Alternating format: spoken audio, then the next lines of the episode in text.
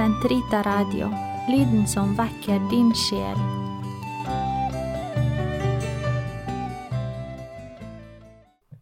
Som sagt, jeg skal forsøke å si noe om murring. Og hva betyr det? Den hellige Benedikts regel, som jo har vært et slags magna carta for klosterliv i Vesten helt siden 500-tallet, setter seg fore å føre søkende mennesker på den raskeste og retteste vei mot målet de lengter etter, som er å kjenne Gud og skue Ham, som Paulus sier det, med utildekket åsyn, ansikt til ansikt. Det er nå det som er hensikten med vår kristne pilegrimsvandring. For at det skal kunne skje, så må mennesket forbedres og foredles og renses. Ikke minst så må menneskets blikk renses. La ditt blikk være ufragmentert, byr Kristus oss i Matteus 6,22. Og likeledes så må hjertet bli helt. Klosterlivets hensikt er å styrke det gode i mennesket, og samtidig å hjelpe mennesket til å ta kampen opp mot synd, dvs. Si, mot den destruktive tendens som strider mot vår dypeste natur, og som får oss til på en litt pervers måte til å strebe mot vår egen lykke og vår egen frihet. I den forbindelse, i forhold til kampen mot synd og syndige tendenser i oss, så er det én last som den hellige Benedikt fordømmer tydeligere enn noen annen. Og det er den lasten jeg vil kalle murring. Kjært barn har mange navn, ukjære barn har også en del navn. Og på norsk kunne vi like godt snakke om surmuling, eller om knurring, som i 1930-oversettelsen av Skriften. Men jeg velger murring fordi det ordet setter oss i en leksikal forbindelse med en lang tradisjon, som jeg om et øyeblikk vil forsøke å gå inn på. Helt på begynnelsen av Benedikts regel, i kapittel 4, som bærer overskriften 'Verktøy for gode gjerninger', slår Sankt Benedikt fast simpelthen at en munk ikke skal være en som murrer. Basta. Neste kapittel, som handler om lydighet, utvikler allikevel tematikken videre, og det er ganske naturlig. For det er når lydigheten stiller reelle krav i våre liv og det, Jeg snakker ikke da bare om klosterlig lydighet, men også den lydighet som utspiller seg, og som vi utviser i våre familier, på arbeidsplasser osv. Det er når lydigheten stiller reelle krav, at egenviljen setter sine fordringer, som kan finne uttrykk i et murrende oppgulp og Benedikt vil ikke høre snakk om den slags. Murring er gjenstand for en umiddelbar advarsel. Og fortsetter murringen, sier Benedikt, da skal den straffes. Murringen er én av bare en håndfull former for atferd som, i klosterregelen, straffes med ekskommunisering. Dvs. Si en utelukking fra kommunitetens felles liv. En ekskommunisert munk har ikke adgang til tidebønnen i kirken, den må han være privat, og han må også ta sine måltider for seg. Så Benedikt anerkjenner murringen som noe veldig ødeleggende. Hvis den er så destruktiv, hvordan har det seg at den forblir en så stadig fristelse? Jeg besluttet for noen år siden å befatte meg med dette spørsmålet. En av oppgavene og et av privilegiene man har som abbed i et kloster, er nettopp å utlegge regelen.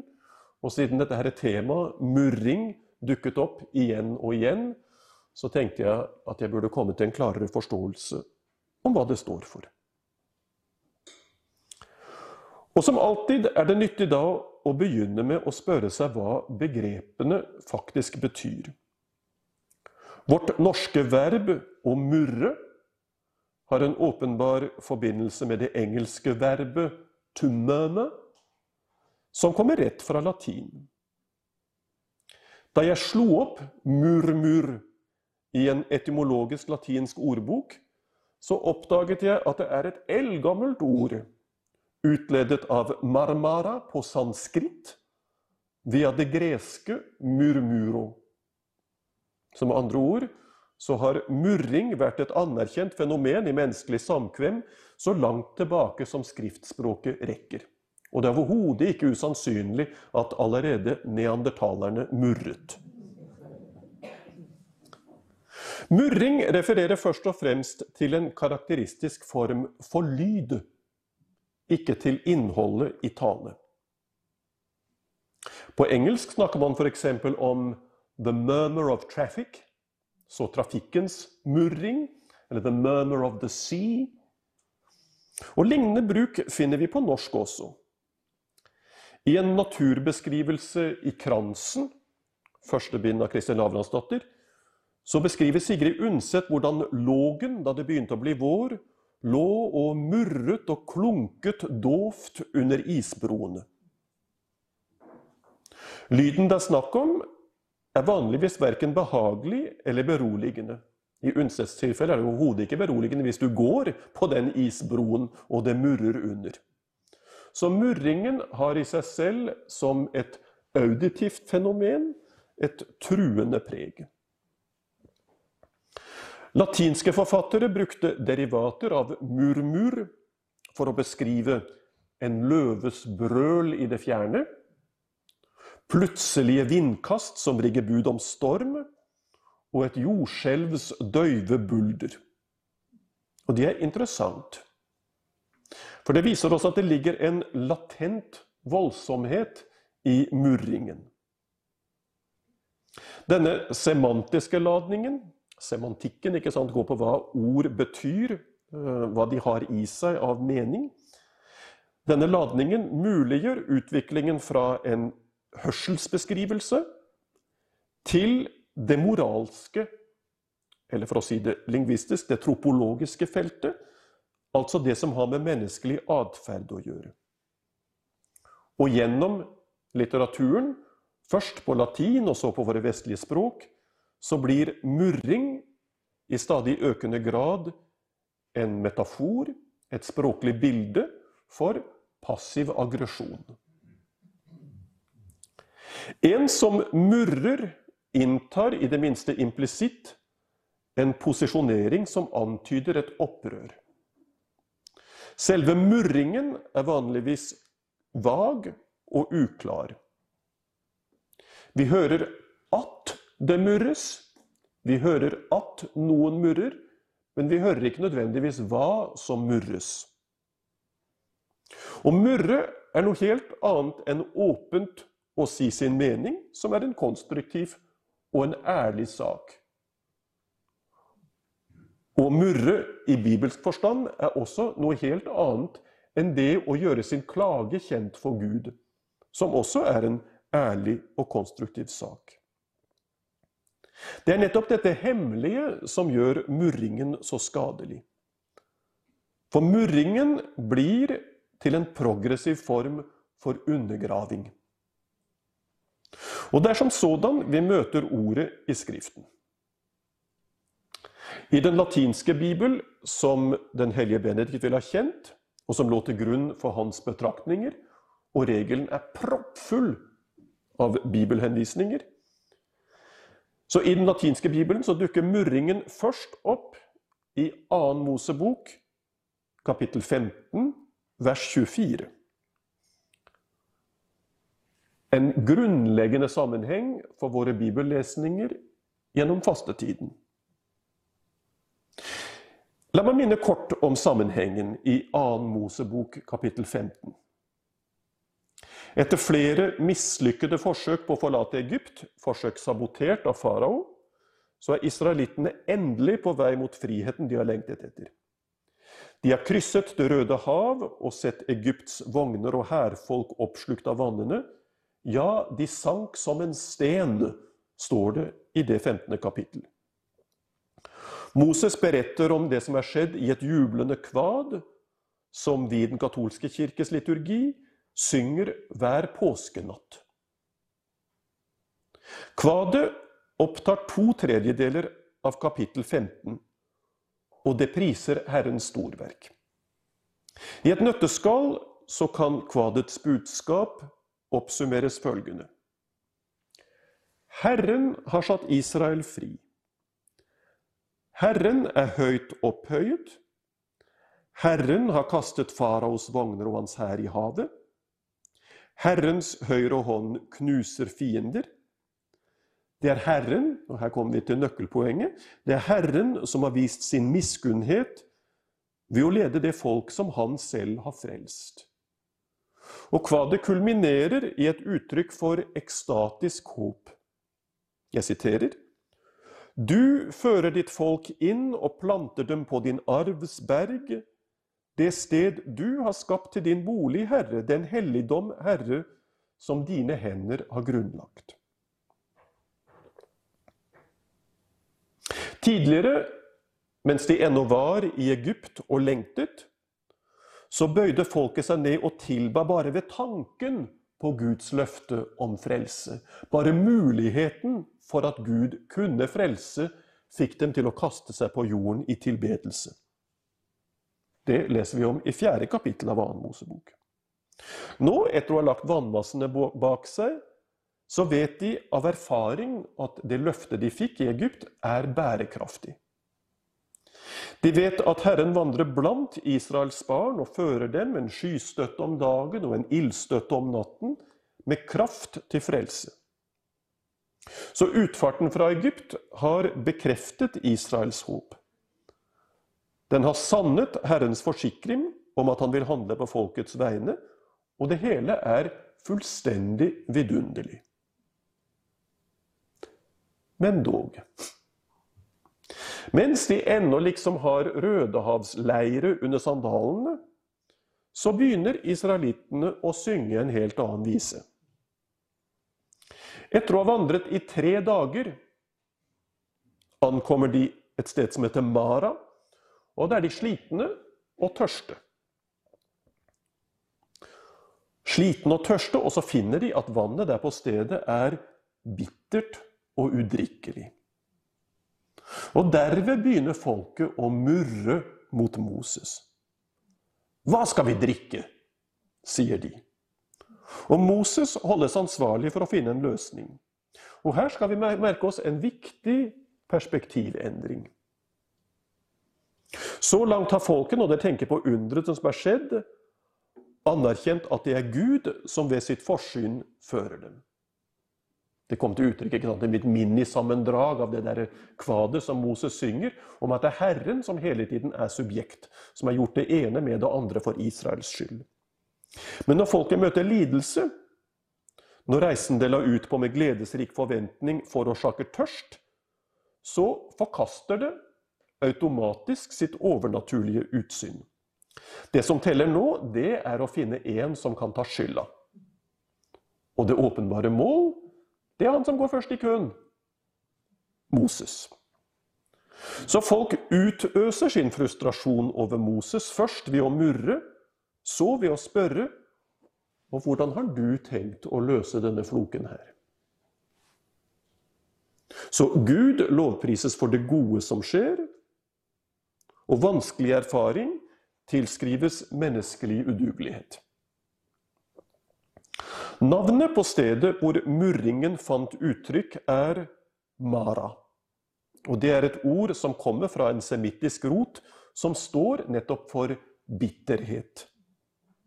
Bitter er Israels klage, og det bitre Mara-vannet vil til alle tider symbolisere murringen. Og Den dag og dag så kan vi konstatere at murring etterlater en en emmen smak i munnen. Den slukker ikke tørst, men den kveler håp. Så hva gjør Moses, stakkar? Og jeg minner om at vi fremdeles er innenfor samme kapittel, det 15. kapittel av 2. Mosebok, som beretter om den vidunderlige gjennomgangen av Rødehavet og alt det åpenbart mirakuløse som skjer der. Dette her med murringen inntreffer rett etterpå. Moses roper til Gud og sier 'hjelp'. Og til svar så viser Herren Moses et tre. Et tre som han ber Moses kaste ut i vannet. Nota bene, ikke bare en gren eller en håndfull med bark, men hele treet skal han kaste ut i vannet. Det gjør Moses, og umiddelbart så blir det bitre vannet søtt. Israel kan drikke av hjertens lyst. Og minnet om denne begivenheten kommer senere til å inspirere kirkens kontemplative sjeler, som ser dette Mara-treet som et bilde på Vår Herres Jesu Kristi kors, som helbreder syndens bitterhet. Og Derved forbindes opprøret ved Mara, den bibelske protomurringen, til menneskets lodd som sådan, til vår tilstand som såret av synd og med behov for frelse. Og det er rett og rimelig. For hva er vel synd om ikke et uttrykk for manglende tro og manglende tillit, antagelsen at Gud ikke kan eller ikke vil nå å hjelpe oss? Vi skal merke oss Herrens orakel til Moses ved Mara etter at folket har slukket sin tørst. Da sier Gud, vi er fremdeles i det 15. kapittel, dersom du hører på Herren din Guds røst og gjør det som er rett i hans øyne, og gir akt på hans bud og holder alle hans forskrifter, altså et dersom fulgt av fire betingelser, da vil jeg ikke legge på deg noen av de sykdommer jeg la på egypterne, for jeg er Herren, din lege. Dere husker at den første plagen som slo Egypt, da farao nektet å la Israel flytte ut, var forgiftningen av vannet. Og ved Mara så kan folket ha tenkt Gjør da Gud med oss det som han har gjort med våre fiender? Og Gud svarer liksom Hvordan kan dere tro noe sånt? Han minner dem om at reisen de er lagt ut på, er en trosreise, og at kartet de følger, det er først og fremst Herrens pakt. Helt fra begynnelsen av Guds åpenbaring til Moseks har han hevdet sin hensikt om å føre dem opp fra Egypt til et godt og vidstrakt land, til et land som flyter med melk og honning. Det er fra tredje kapittel av annen Mosebok. Og er han da ikke en troverdig Gud? Er han ikke deres fedres, Abrahams, Isaks og Jakobs Gud? Har han ikke bevist at han er en Gud som oppfyller sine løfter? Poenget med å forherde faraos hjerte var nettopp å vise at Guds kraft kan seire over all menneskelig motstand. Og Poenget med å la Rødehavets vannmasser stå som en mur, var å vise at naturkreftene også underlegges Guds forsynsplan. Så Gud er trofasthetens Gud. Men vil Israel tro? Hm. Det er det som er det store spørsmålet. Ved veiskillet der i Mara så minnes Israels folk om at Guds frelsesverk forutsetter deres lojalitet. Dere husker det dersom med de fire betingelsene. At folket er inngått i en pakt. Og en pakt er per definisjon bilateral. Altså en pakt har to sider. Og Det forunderlige er at Gud behandler Israel det gamle som det nye, lik en voksen som kan gi sitt ord og forventes å holde sitt ord. Israels murring gir Gud anledning til å understreke det dersom som pakten bygger på. Gud vil beskytte, frelse og helbrede dem dersom de lytter til Hans ord og gjør det som rett er, og holder Hans bud. Det medfører bl.a. å vandre trøstig videre også når veien går et stykke gjennom et uttørret landskap. Folket skal bevege seg, og ikke slå seg murrende til ro. Dramaet der ved Mara stilles i et særlig lys ved en opplysning som gis helt mot slutten av dette 15. kapittel. Det er en opplysning som vi risikerer å overse, for den synes ikke særlig interessant og ikke særlig from. Den kan forekomme som en overflødig, pedantisk fotnote om ørkengeografi. Hm. Men nei, det er den opplysningen som gir tolkningsnøkkelen til hele historien. For rett etter å ha troppet ut av Mara, får vi høre Jeg siterer Kom folket til Elim, og der var det tolv vannkilder og 70 palmetrær. Og de slo leir der ved vannet. Med andre ord Folkets voldsomt murrende klage over manglende vann fant uttrykk på terskelen av en fabelaktig oase som Herren hadde ført dem mot. Bittert hadde de båret seg. De har ikke vann. Akkurat idet Gud ville overraske dem med rause kilder og kjølig skygge i livlig overflod. 70 palmetrær. Og heri finner vi et tidløst stoff til ettertanke, også for egen del.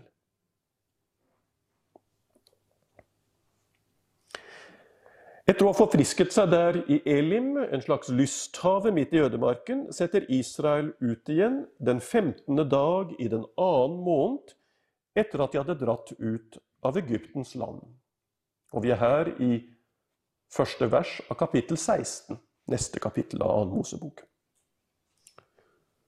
15. dag i annen måned, så seks uker bare, er forløpt siden de så med sine øyne Det røde hav skilles for å føre dem igjennom, for så lukke seg over deres forfølgere. Den hebraiske teksten som beretter om krysningen gjennom Rødehavet i 2. Mosebok 14, utarbeider et viktig motiv som lett kan gå tapt i oversettelse. Der, i kapittel 14, for å gi oss et overblikk av hva som skjedde, så skriver forfatteren Således frelste.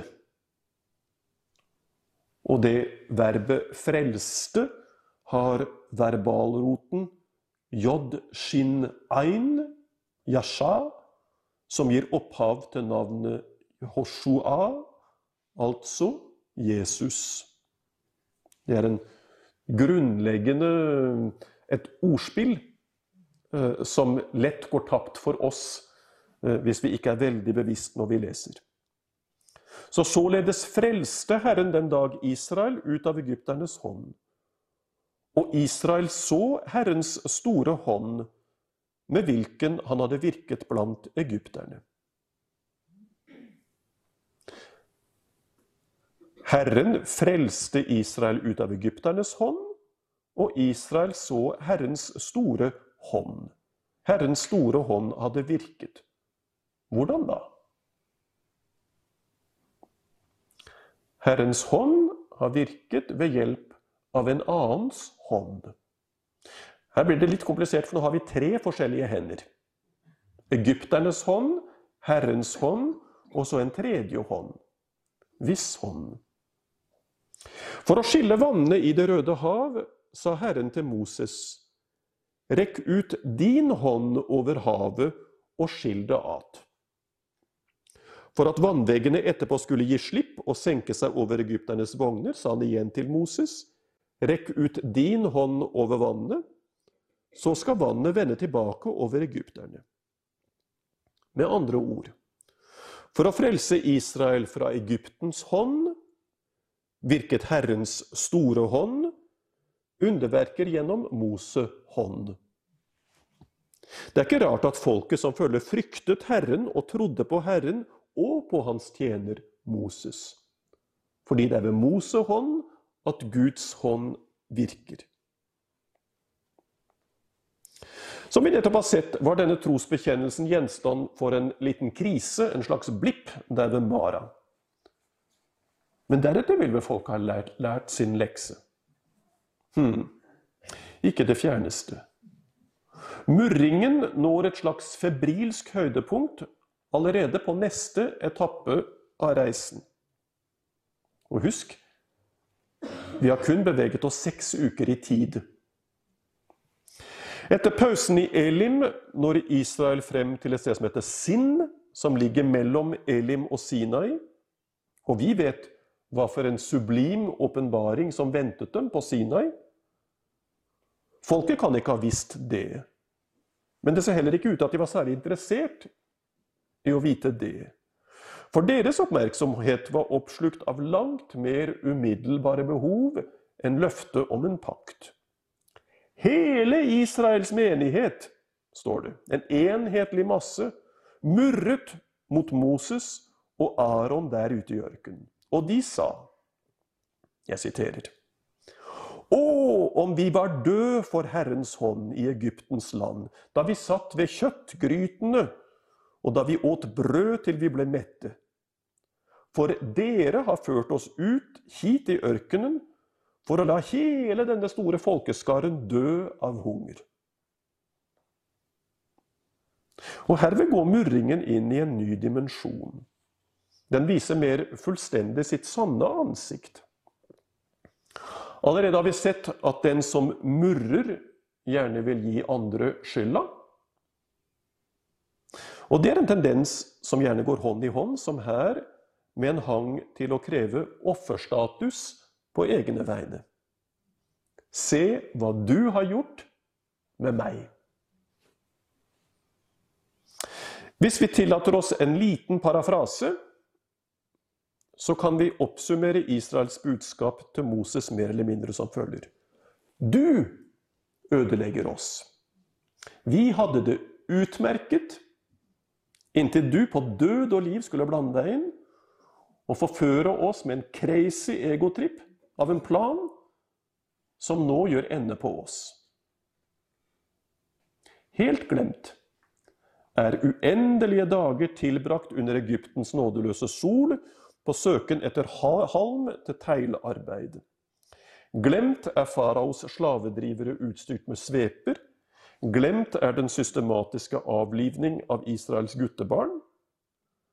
Det som den gang ble opplevd som hard trelldom, 2. Mosebok kapittel 6 vers 9, synes nå, tilbakeskuende, som en overhodet ikke ubekvem tilværelse.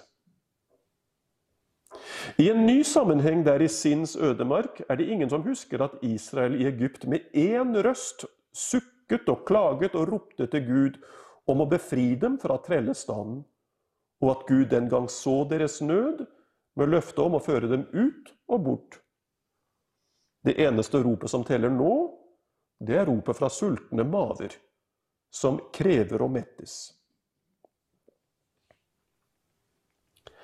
Rent menneskelig sett, antropologisk, så ser vi her en dynamikk som er karakteristisk for utålmodige barn. Kanskje har vi reist sammen med barn som på et eller annet tidspunkt blir for slitne, for sultne, eller ganske enkelt kjeder seg for mye, og derfor krever en godtgjørelse med det samme. Og Da har det liksom ingen hensikt å prøve å få lille Kjartan til å forstå det er et navn jeg velger rent uh, ut av luften. Å forstå at han sitter i en Boeing 747 som svever over Sahara, og at det ikke er råd her og nå med å skaffe ham den blå bamsen. Han skriker bare høyere 'Nå!' Er du mor eller far, må du da pønske ut en strategi for å avlede oppmerksomheten så godt du kan. Er du passasjeren som sitter foran Kjartan, sånn som jeg var den gang, på en lang flytur til Kamerun, så må du bare holde ut og puste dypt mens du presser øreproppene enda lenger inn. Den slags oppførsel hos barn er irriterende, men begripelig. Hos voksne er den slags oppførsel bare patetisk. Men gir vi ikke alle etter for den fra tid til annen, om det så er i vårt innerste indre. Betrakter vi Israel på ferd mellom Elim og Sinai, konstaterer vi at frustrasjon har ført til et fullstendig tap av realistisk perspektiv. Folket er så oppslukt av nærværende behov at det ikke finnes plass på horisonten, verken for fremtid eller for fortid, for utgangspunktet de kommer fra, eller målet de går mot. Alt utover øyeblikket her og nå virker som en tåke. Fordumserfaring utøver en, utøver en vag tiltrekningskraft som består ene og alene i det erindrede fravær av en hunger som nå dominerer fullstendig. Israels murring viser tenner ved en slags tvangstanke, uttrykt i form av et krav. Vi vil ha mat, og vi vil ha det nå. Og alt annet er glemt. Så må Moses igjen finne en løsning. Hva gjør han?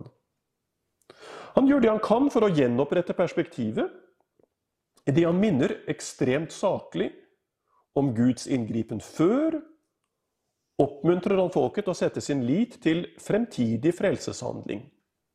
Han sier Husk hva vi så for seks uker siden. Hvis det var mulig da, hva er da ikke mulig i fremtiden? Han erindrer for egen og andres del det navnet som Gud åpenbarte ved den brennende busk. Jeg er den som er, den som er her. Jeg er den tilstedeværende Gud. Han minner om at Gud er den som er, den som er her. Og så viser han til Aron og seg selv som er i ferd med å lynsjes av mobben, og så spør han, kapittel 16, vers 7, og hvem er vi? Gud er, han er her, og hvem er vi? Moses er i Guds hånd det som staven er i hans egen hånd. Et redskap bare, ubrukelig i seg selv, avhengig av Guds handlekraft. Og Moses gjør det klart hva som virkelig er på ferde. Det er ikke mot oss dere murere, sier han, men mot Herren. Og han forsøker å trekke folket ut av forblindethet og pense oppmerksomheten om fra bevisstheten om rumlende maver til bevisstheten om Guds løfte og Guds trofasthet. Det er ikke særlig effektivt. Det som skjer så, er litt paradoksalt. For først så ser det ut til at Gud gir etter for Israels krav. Gud kaller menigheten sammen og sier gjennom Moses Jeg har hørt hvordan Israels barn murrer. Tal til dem og si Imellom de to aftenstunder skal dere få kjøtt og ete, og i morgen skal dere mettes med brød, og dere skal kjenne at jeg er Herren deres Gud. Og det løftet oppfylles. Vaktler dekker leiren i løpet av natten, og neste morgen så kommer det manna. Hm. Skal vi da konkludere at murringen, hvor uverdig den enn er, faktisk funker som strategi? Ved Massa så oppnådde murringen at Gud gjorde bittert vann godt, og i ørkenen så fremkaller murringen god proteinrik føde. Ved Meriba vil murringen få Gud til å bringe vann frem av en klippevegg. Kan vi da utpresse Gud så lenge vi klager lenge nok og høyt nok? Spørsmålstegn.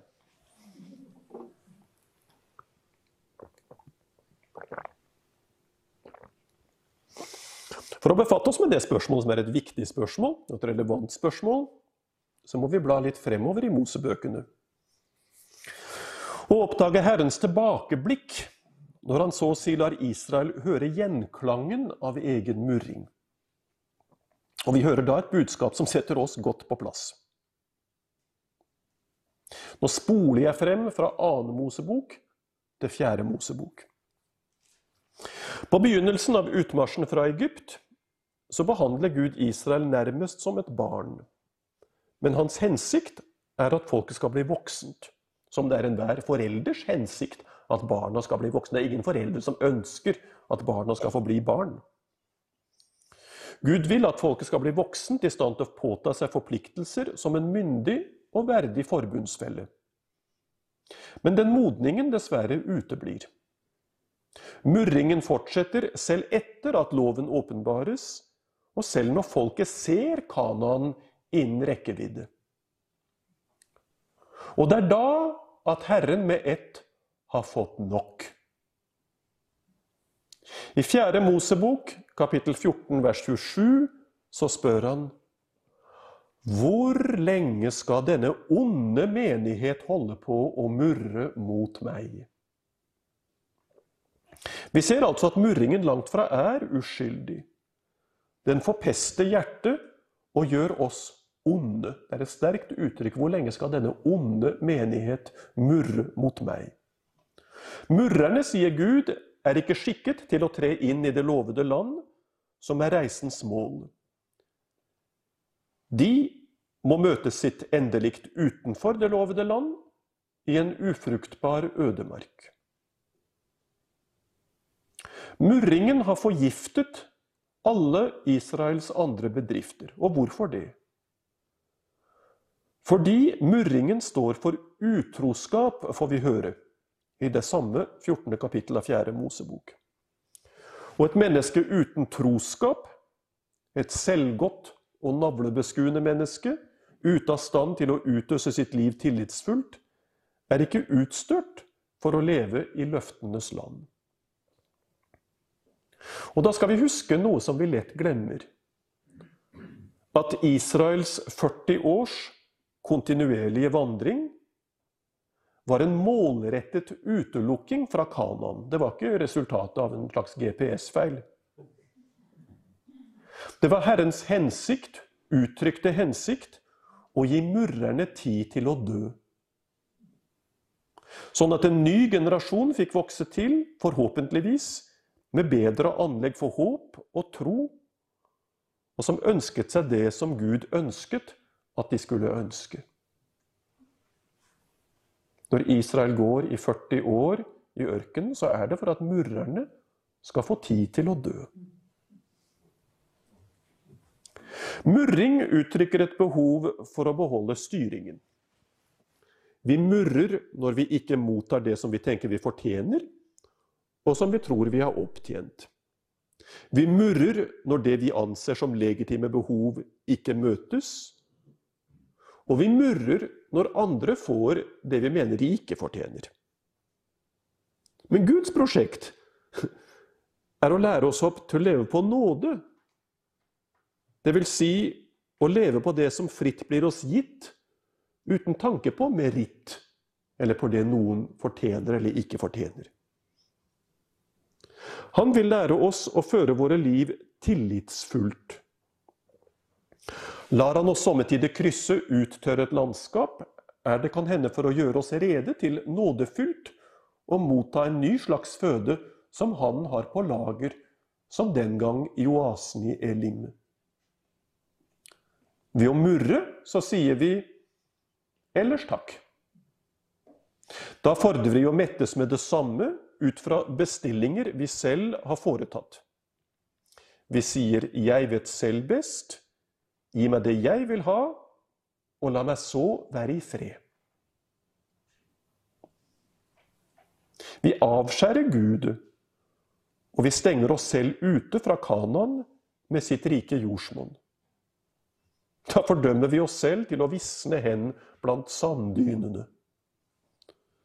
Murringens uvane kan sakte, men sikkert tyne livet ut av en sjel.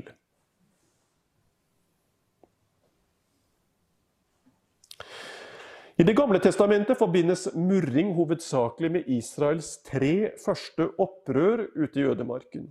Folket krever mat og drikke, og viser derved sin mistro i forhold til Guds reddende kraft. Og Misnøyen var kanalisert mot den mann som var utnevnt til å være folkets leder. De murret mot Moses. Moses visste utmerket godt at han var mangelfullt kvalifisert for oppdraget. Og det var en bevissthet han brakte til uttrykk fra første stund. Og han sa til vår Herre, men det er håpløst. Det er i tro og i tillit at Moses må godta at han var det verktøy som Guds forsyn hadde utvalgt. Ja, selv hans uskikkethet hadde noe med kallet å gjøre. Fordi han ikke var noen imponerende leder, ville det bli klart for enhver at det Moses virket med sin hånd, egentlig var Guds hånds verk. Det inngår i den guddommelige pedagogikk. Før de forlot Egypt, så innså israelittene dette her krystallklart. Og innsikten var grunnlaget for reisen de la ut på. Sult og tørst viser så etter kort tid hvor vaklende dette grunnlaget faktisk var. Murringen deres var uttrykk for den utroskap som runger gjennom Davidssalmene og de profetiske bøker. De murret i sine telt, står det i Salme 106. De murret i sine telt. De hørte ikke på Herrens røst. Stadig igjen har vi kunnet observere ved eksemplene at den murrende er en som stiller krav, og at kravene funderes på en påstand om å være andres offer. Murreren føler seg urettferdig behandlet og unnskylder seg, unnskylder seg sånn fra en helhjertet oppslutning om takten og det felles formål. Murreren ønsker ikke å møte verken Gud eller andre mennesker, for et møte tross alt forutsetter en åpenhet, og forblir derfor heller innelukket i sitt telt. De murret i sine telt forblir innelukket i teltet med glidelåsen trukket helt ned. Og der kan han eller hun i uforstyrret ro sitte og ånde på flammen av sitt sinne, sin selvmedlidenhet, sin bitterhet og sine anklager.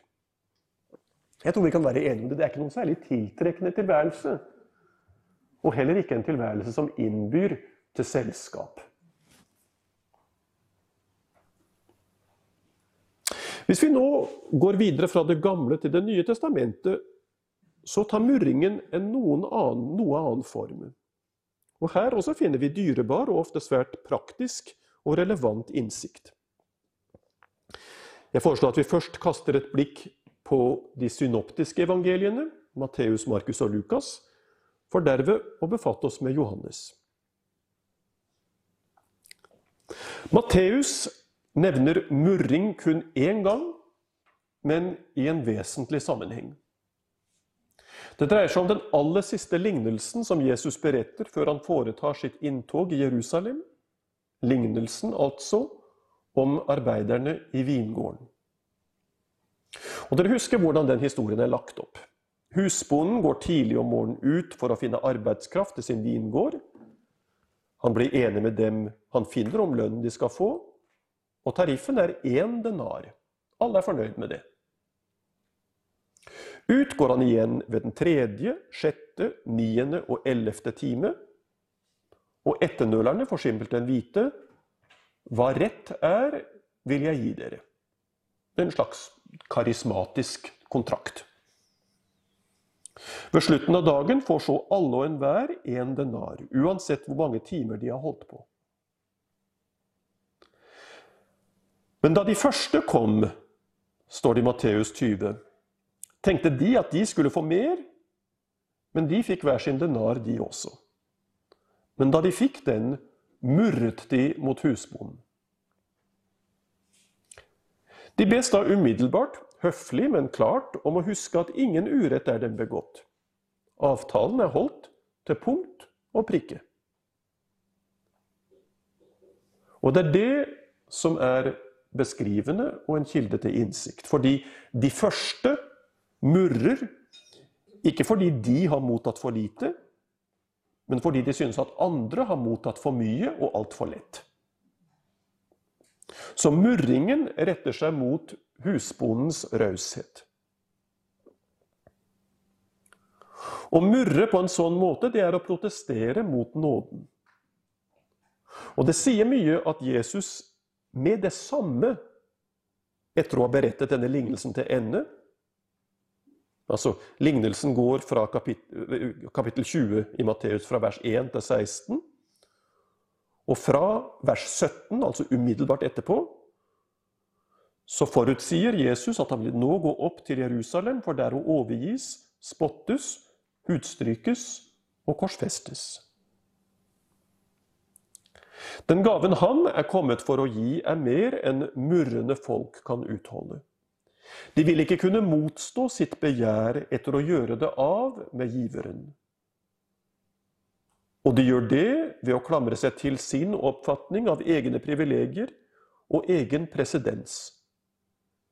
De vil ikke settes på samme nivå som oppkomlinger de anser for å være deres fortjenester og deres fellesskap uverdige. Dette temaet som Matteus refererer ut fra Kristi lære ikke sant? Fortellingen om husbonden og arbeideren er en lignelse, et pedagogisk redskap, er et tema som dukker opp igjen i Lukasevangeliet i form av observerende journalistikk. Vi finner tre forekomster av murring hos Lukas. Og alle springer ut fra en enhetlig motivasjon. I Lukas kapittel 5, helt på begynnelsen av Herrens offentlige virke, hører vi at fariseerne og deres skriftlærde murret mot Jesu disipler og sa:" Hvorfor eter dere med tollere og syndere? Jesus og de tolv oppfattes som én en enhet, og de provoserer ved å gå utover fastlagte grenser. De hevder å være troende, religiøse, fromme menn, og allikevel så menger de seg med folk som ikke hører hjemme i fromme sammenhenger. Og Det sier seg selv at etablerte autoriteter er oppbrakt. For hvordan skal vel alt dette her ende? De ansetter at slik åpenhet mot suspekte individer vil virke som en slags godkjenning av uakseptabel livsførsel, uakseptable valg og at det vil skade Israels lovs troverdighet. Og det er holdninger som veldig lett kan oppstå i religiøse sammenhenger. Enhver av oss tror jeg kan sikkert finne eksempler ut fra egen erfaring. Vi ønsker å trekke klare linjer mellom dem som er innenfor, og dem som står utenfor. Og selvsagt så tar vi det gitt at vi er innenfor. Jesu liv og lære utgår fra helt andre premisser. Han minner oss stadig om at vi alle er utenfor. At vi alle er outsidere, men at vi alle er velkommen innafor. Ikke ut fra egen fortjeneste, men takket være Guds ufortjente og forvandlende gave. Og Det er på dette grunnlag at Jesu evangelion, hans gode budskap, av mange oppfattes som et svært dårlig budskap, ja, sågar som undergravende nytt. For evangeliet innfører en slags uklarhet, og vi liker ikke å leve med uklarhet. Evangeliet bringer andre nærmere enn vi godt kan trives med, og det utsletter vår oppfatning av å sitte trygt og av å fortjene en særlig status.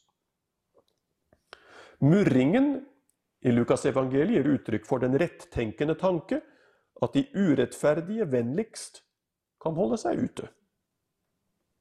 Jesus svarer kort og skarpt jeg er ikke kommet for å kalle de rettferdige. Punktum. Et lignende scenario møter vi i Lukas kapittel 15. På det tidspunkt er Jesus etablert som en etterspurt og ettersøkt predikant, og store mengder mennesker oppsøker ham. Det får fariseeren og det skriftlærde til å murre seg imellom i det de sier. Denne mann tar imot syndere og eter sammen med dem.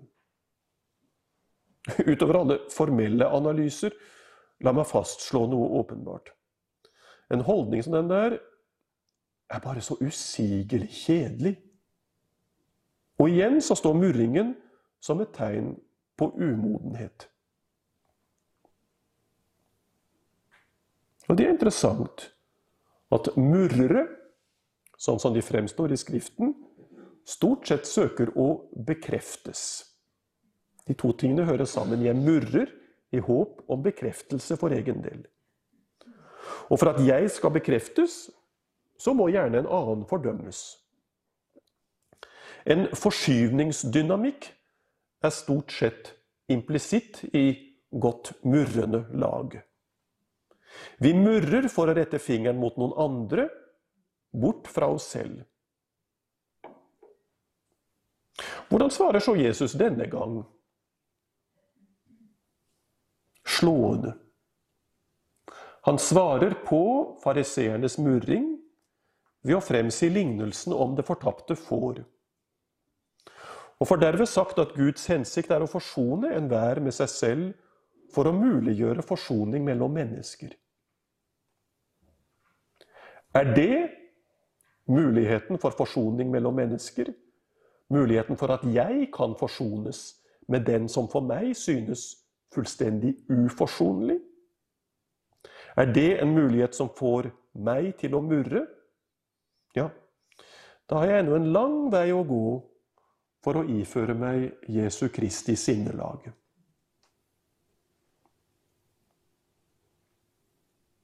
Lukas' tredje eksempel på murring fører oss fra allmenne forhold til et forhold som er presist og navngitt.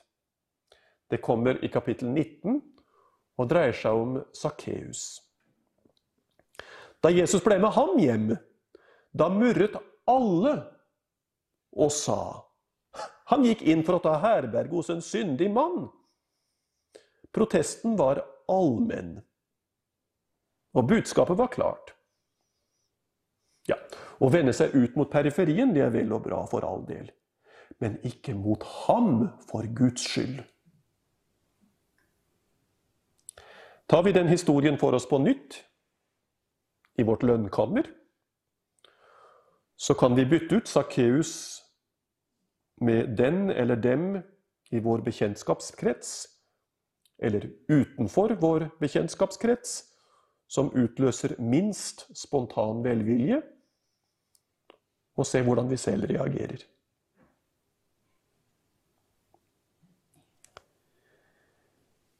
I Johannesevangeliet så finner vi murringen konsentrert i to kapitler, kapittel 6 og 7, som jo handler om hvordan vår Herre mettet de 5000 i ørkenen.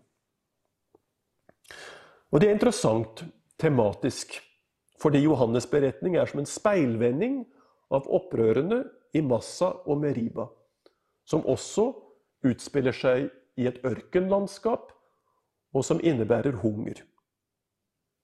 Den gang, i Massa og Meriba, så murret folk fordi Gud ikke mettet dem fort nok.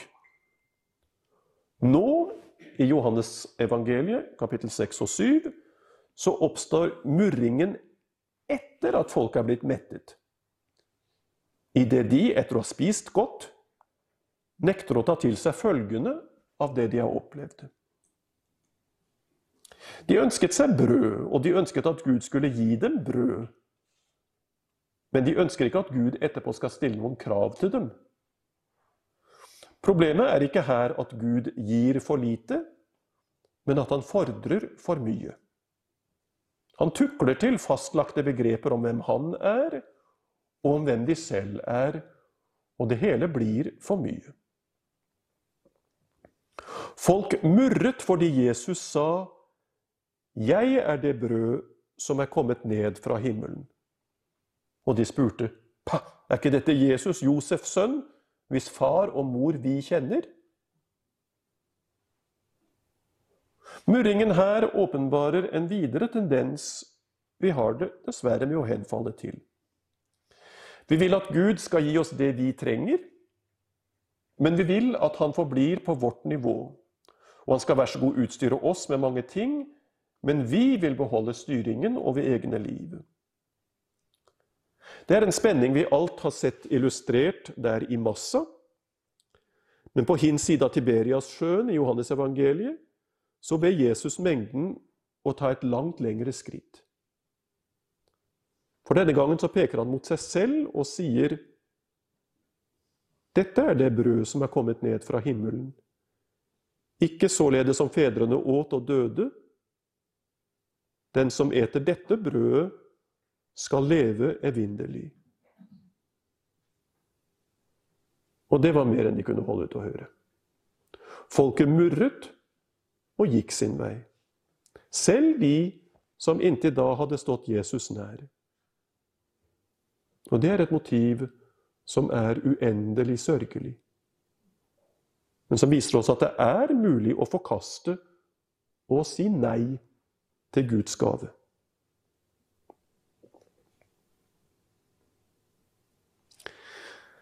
Jeg vil nå avslutningsvis vende oppmerksomheten tilbake mot den hellige Benedikts regel som jeg begynte med. Man kan tenke seg kanskje at den utgjør en kilde som ikke er av særlig relevans for dem som ikke lever klosterliv, men der vil jeg si nei. For munkens eller nonnens liv er ikke annet enn det kristne liv levd med en særlig intensitet. Men det eneste som er forsettet i et kloster, er å leve evangeliet konsekvent. Regelen er blitt beskrevet som et destillat av evangeliet, og det syns jeg er et godt uttrykk. Benedikts regel setter allmennkristne fordringer i tydelig relieff, og nettopp ved å være så konsis, så praktisk og så realistisk, så klargjør den mye. Og jeg må si at Jo lenger jeg lever med Benedikts regel, jo lenger jeg prøver å gå den i sømmene og leve etter den, jo mer blir jeg glad i den.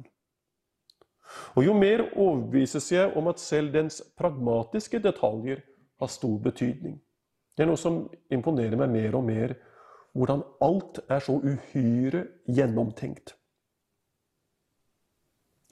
Et sånt detaljaspekt gjelder Benedikts oppskrift for hvordan salmene fordeles i tidebønnene. Som dere vet, så er Davidssalmene munkens og nonnens daglige brød. Og etter det skjema som Benedikt utlegger i regelen, så synger man alle de 150 salmene hver uke. Igjen og igjen og igjen og igjen et helt liv. Og begynner hver søndag til vigilien på nytt. Noen av salmene foreskriver Benedikt for hver bidige dag. Og Det er disse salmene som er særlig interessante. For de bidrar liksom med strukturen for hver dag i bønn, og kan hjelpe oss til å forstå grunnleggende utfordringer i monastisk liv. Og Der vil jeg få gi et eksempel eller to. Klosterdagen begynner tidlig. Eh, tradisjonelt så ber man første tidebønn om natten. I mitt eget kloster så sto vi opp tre. Og ved begynnelsen av vigilien, så en bønn som bes grytidlig eller om natten, så byr Benedikt å synge hver eneste dag salme 95 som et invitatorium. Jeg kommer tilbake til hva det betyr.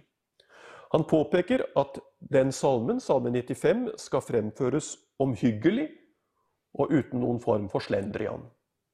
Og det kan være en pragmatisk viktig påminnelse når man står der halv fire om morgenkvisten. For det er en salme som daglig skal bringe et viktig budskap. Dette begrepet invitatorium hører til et spesialisert monastisk ordforråd. Men vi kan uten særlige vansker finne ut hva det betyr. Uttaler vi invitatorium langsomt og tydelig, så hører vi en resonans av substantivet invitasjon, som vi kjenner. Og det begrepet invitasjon, eller innbydelse, er et vesentlig begrep i Benedikts kallsteologi. I regelens forord så ser han for seg, for seg at Kristus står på en markedsplass og hoier og spør hvem av dere ønsker å se gode dager? Forutsetningen for å leve et klosterliv det er ønsket om å være lykkelig. For det er lykke livsformen peker mot og bidrar til. Foretrekker man å leve surt, da er man ikke noe særlig lovende munke- eller nonneemne. Etter å ha latt den utfordringen runge, hvem av dere ønsker å se gode dager, så spør Benedikt for hva, elskede brødre, er vel mer sødmefullt enn Herrens røst som inviterer oss? Vi kan invitere noen til middag, til selskap, på ferie kanskje. Og på lignende premisser skal vi tenke oss Guds kall. Herren er verten som vil dele noe godt med mennesket han er glad i. Og det er dette klosterlivet handler om. Invitasjonen bekreftes hver morgen ved vigilien gjennom denne teksten, Salme 95, som jeg nå vil se på litt nøye. Denne invitatoriesalmen består av to deler. Første del er full av glød. Den inviterer oss til å juble for Herren, til å tre frem for Hans åsyn med pris. Så da ligger det i kortene at Herren er nær, innen rekkevidde. Vi kan nærme oss Ham, og Han venter på oss. Og vi priser Ham, sånn som salmen ser det, av tre årsaker. For det første så priser vi Gud som skaper. Jordens dyp, fjellenes høyder, havet og det tørre land, alt dette har han skapt ved sin hånd. Og han er også vår skaper. Den Gud vi tilber, er uendelig opphøyet og på samme, tid uendelig nær. Han har villet at vi er til, og han har formet oss etter sitt eget bilde. God grunn til lovprisning. Så første beveggrunn vi priser Gud som skaper. For det annet så priser vi Gud fordi han også er vår frelser. Salmen refererer til såret som synd har forvoldt, og minner om at Gud ved nåde har helbredet det såret. Vi kan komme for hans åsyn uten frykt, fordi, står det i salmen, han er vår frelses klippe.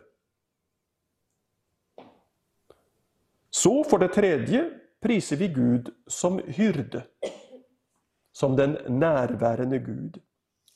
Vi er det folk han fører, og den jord hans hånd leder, får vi høre. Selv i dødsskyggens dal kan vi gå trygt. Han går foran og forlater oss ikke. Så Gud fortjener vår lovprisning som skaper, frelser og hyrde. Første del av salmen.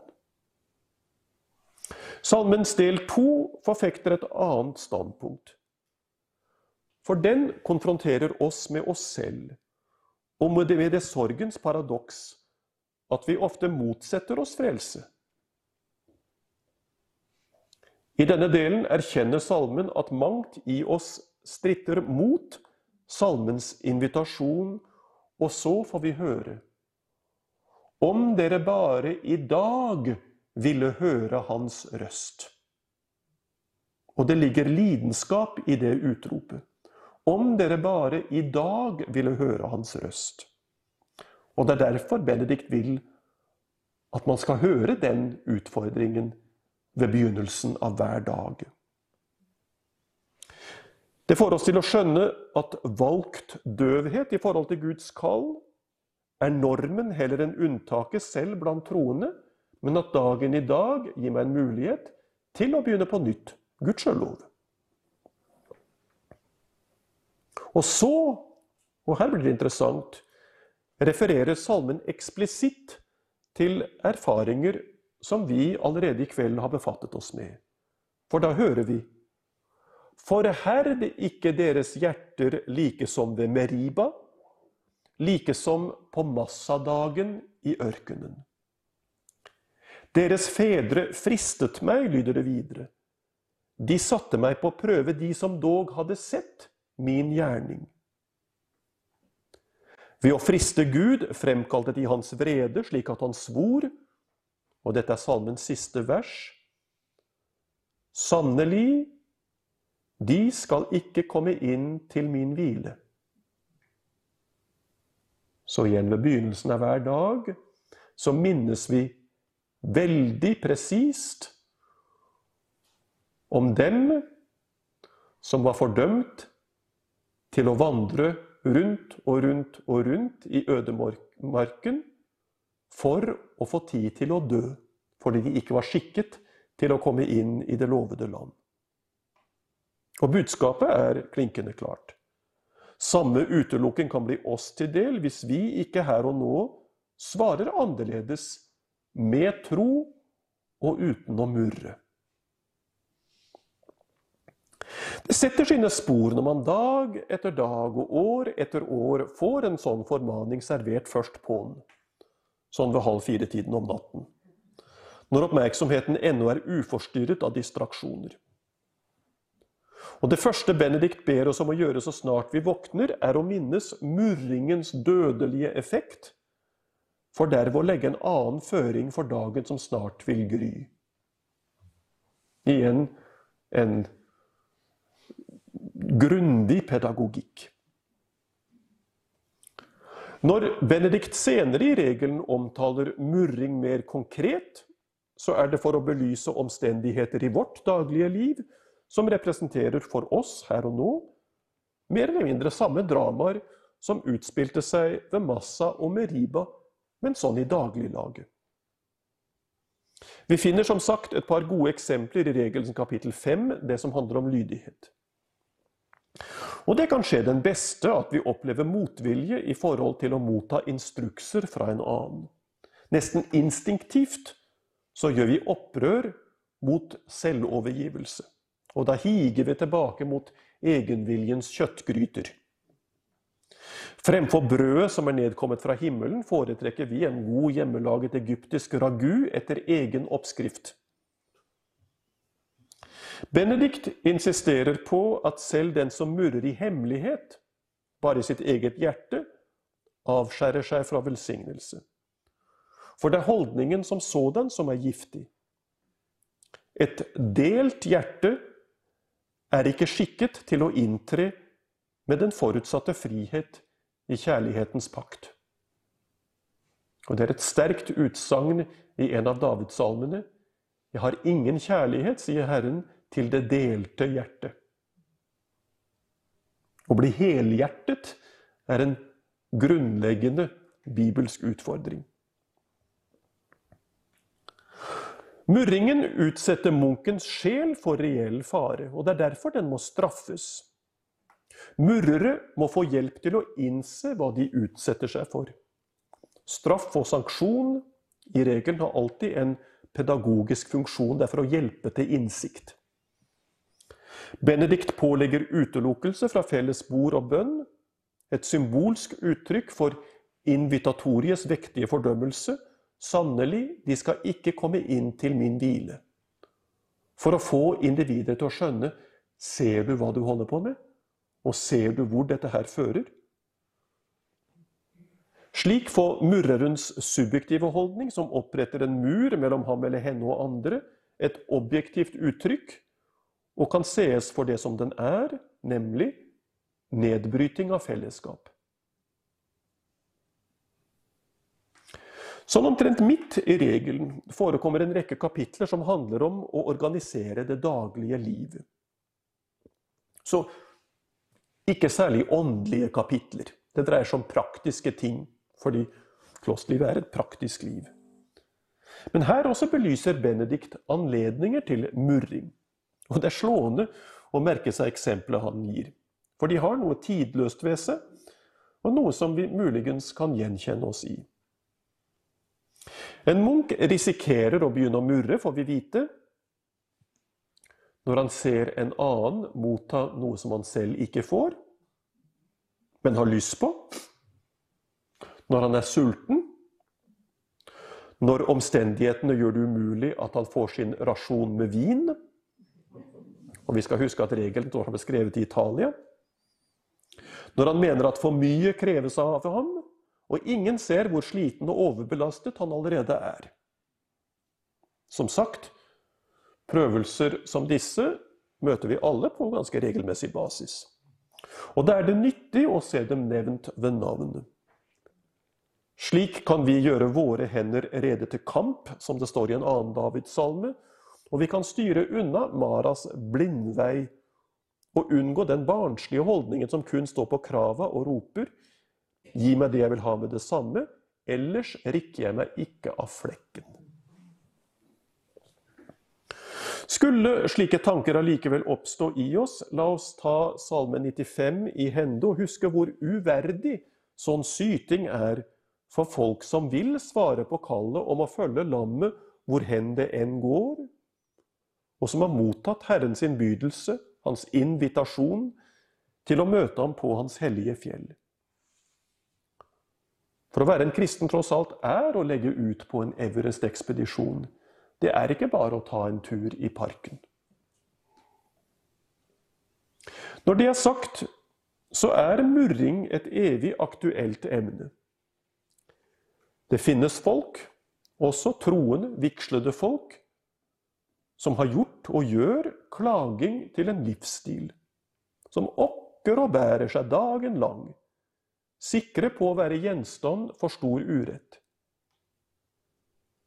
Hele fellesskap og menigheter, ja kanskje sågar hele samfunn, kan la seg prege av negativitet i den grad at murring blir den normale omgangsform, og da er det fare på ferde. Enhver samtale tenderer da mot uttrykk for utilfredshet, som om den holdningen utgjorde et slags magnetisk felt. Internett har gitt murringen uante muligheter og et gigantisk potensial. Twitterstormer og kommentarspalter gir Mara-syndromet global spilleplass. Fra et kristent synspunkt er sånn atferd ikke bare forkastelig, den er også radikalt kontraproduktiv. Den tilsvarer fordømmelsen i Salme 95. De er et folk med forvillet hjerte, og de kjenner ikke mine veier. Det å ikke kjenne Herrens veier her går ikke nødvendigvis ut på vranglære eller eksplisitt moralsk forfall. Ordene må leses ut fra en bibelsk sammenheng, og igjen vil jeg vise til annen Mosebok, nå for å by på en oppsummering av det jeg har forsøkt å si så langt. Det var, har vi sett, Guds hensikt å trekke en rett linje fra Egypt til Kanaans land. Men det var en linje som folket nektet å følge. De var sikre på at deres rute var bedre og mer effektiv, på at Herren og hans stammende, udugelige adjutant hadde forvillet seg. Og I tillegg så følte folk seg tiltrukket tilbake mot sitt utgangspunkt. Og derved så oppfant de fortiden på nytt. De idealiserte fordums elendighet og tegnet også et revidert bilde av seg selv og av det de en gang hadde vært. Jeg tenker da spontant på et vers fra Jesus Ben Siraks bok, hvor det står Misnøye bor i en dåres bryst. Si da ikke tidligere tider var bedre enn disse. Når vi murrer, så gir vi avkall på håp. Da kapitulerer vi for tilbakeblikk. Vi blir sittende og rører oss ikke. Vi holder oss i egne telt, andre vil vi ikke se. Men livet er en reise, og en felles reise. Troens liv lar seg ikke forstå på en annen måte. Kirkens liv lar seg ikke forstå på noen annen måte. Og som den hellige Bernard av Clairvaux en gang skrev Den som ikke beveger seg fremad, detter bakut. Reisens mål er et hellig mål og et herlig mål hvis bare vi løfter øynene og ser mot målet. La oss ikke bli som de bibelske murrere som begikk en kategorisk feil på dette området. Det gjør stadig et rystende inntrykk på meg å lese et vers fra Salme 106, vers 24 som jeg nesten syns er det sørgeligste verset i hele Bibelen, hvor det står De foraktet det herlige landet. Ja, dere, sånn kan det gå. Kom, la oss juble for Herren, la oss rope med fryd for vår frelses klippe. Dette første verset fra invitatoriesalmen retter seg også til oss her og nå. Og det er ikke en så dårlig idé å begynne dagen med den salmen. Vi er likeledes på en reise gjennom det som kan fortone seg som en ørken. Her i vår covid-forørslede, økologisk utsatte, nå forferdelig krigsherjede, skremmende verden anno 2022. Herren leder oss lik en skysøyle om dagen og en ildsøyle om natten, og vi vet hvor vi er på vei til syvende og sist. Men vil vi nå frem dit? Herren kaller også oss til å være et bilde på Israels vandrende folk, til å være et uttrykk for Kristi kirke inn via, dvs. Si underveis. Og der gir han oss hverandre, for at vi skal støtte hverandre, oppmuntre hverandre og hjelpe hverandre når veien blir bratt og vi selv blir trøtte.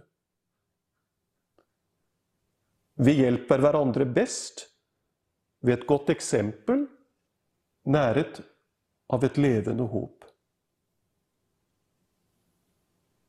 Ved den som går alene, står det i et vers fra Visdommens bok, som første generasjon av sistersiensere var særlig glad i, fordi det syntes dem å uttrykke essensen i det felles liv ved den som går alene, for han er ingen som kan reise ham opp når han faller. Gleden som er bærekraften på en slik reise, som ytrer seg i jubelen som salmen synger om, er noe annet enn bare godt humør. Selv om godt humør i seg selv er en velsignelse og en utmerket ting. Gleden det er snakk om, er gleden som strømmer fra en sjel som skynder seg fremover, drevet av lengsel etter å se den elskede, fra et hjerte som utvides etter Guds hjertes mål, med rom også til å romme reisefellene som Herren gir med på ferden. Er vår felles fremgang på denne kongsveien preget av takknemlighet, av tro og av lengsel, så skal vi nok, ved Guds nåde og felles forsett, holde motet oppe og kjærligheten i live. Og da vil vi holde murringen, sure nedbør langt borte fra vår horisont, som isteden dust opplyses av lyset fra solen som hever seg i øst. Takk for oppmerksomheten.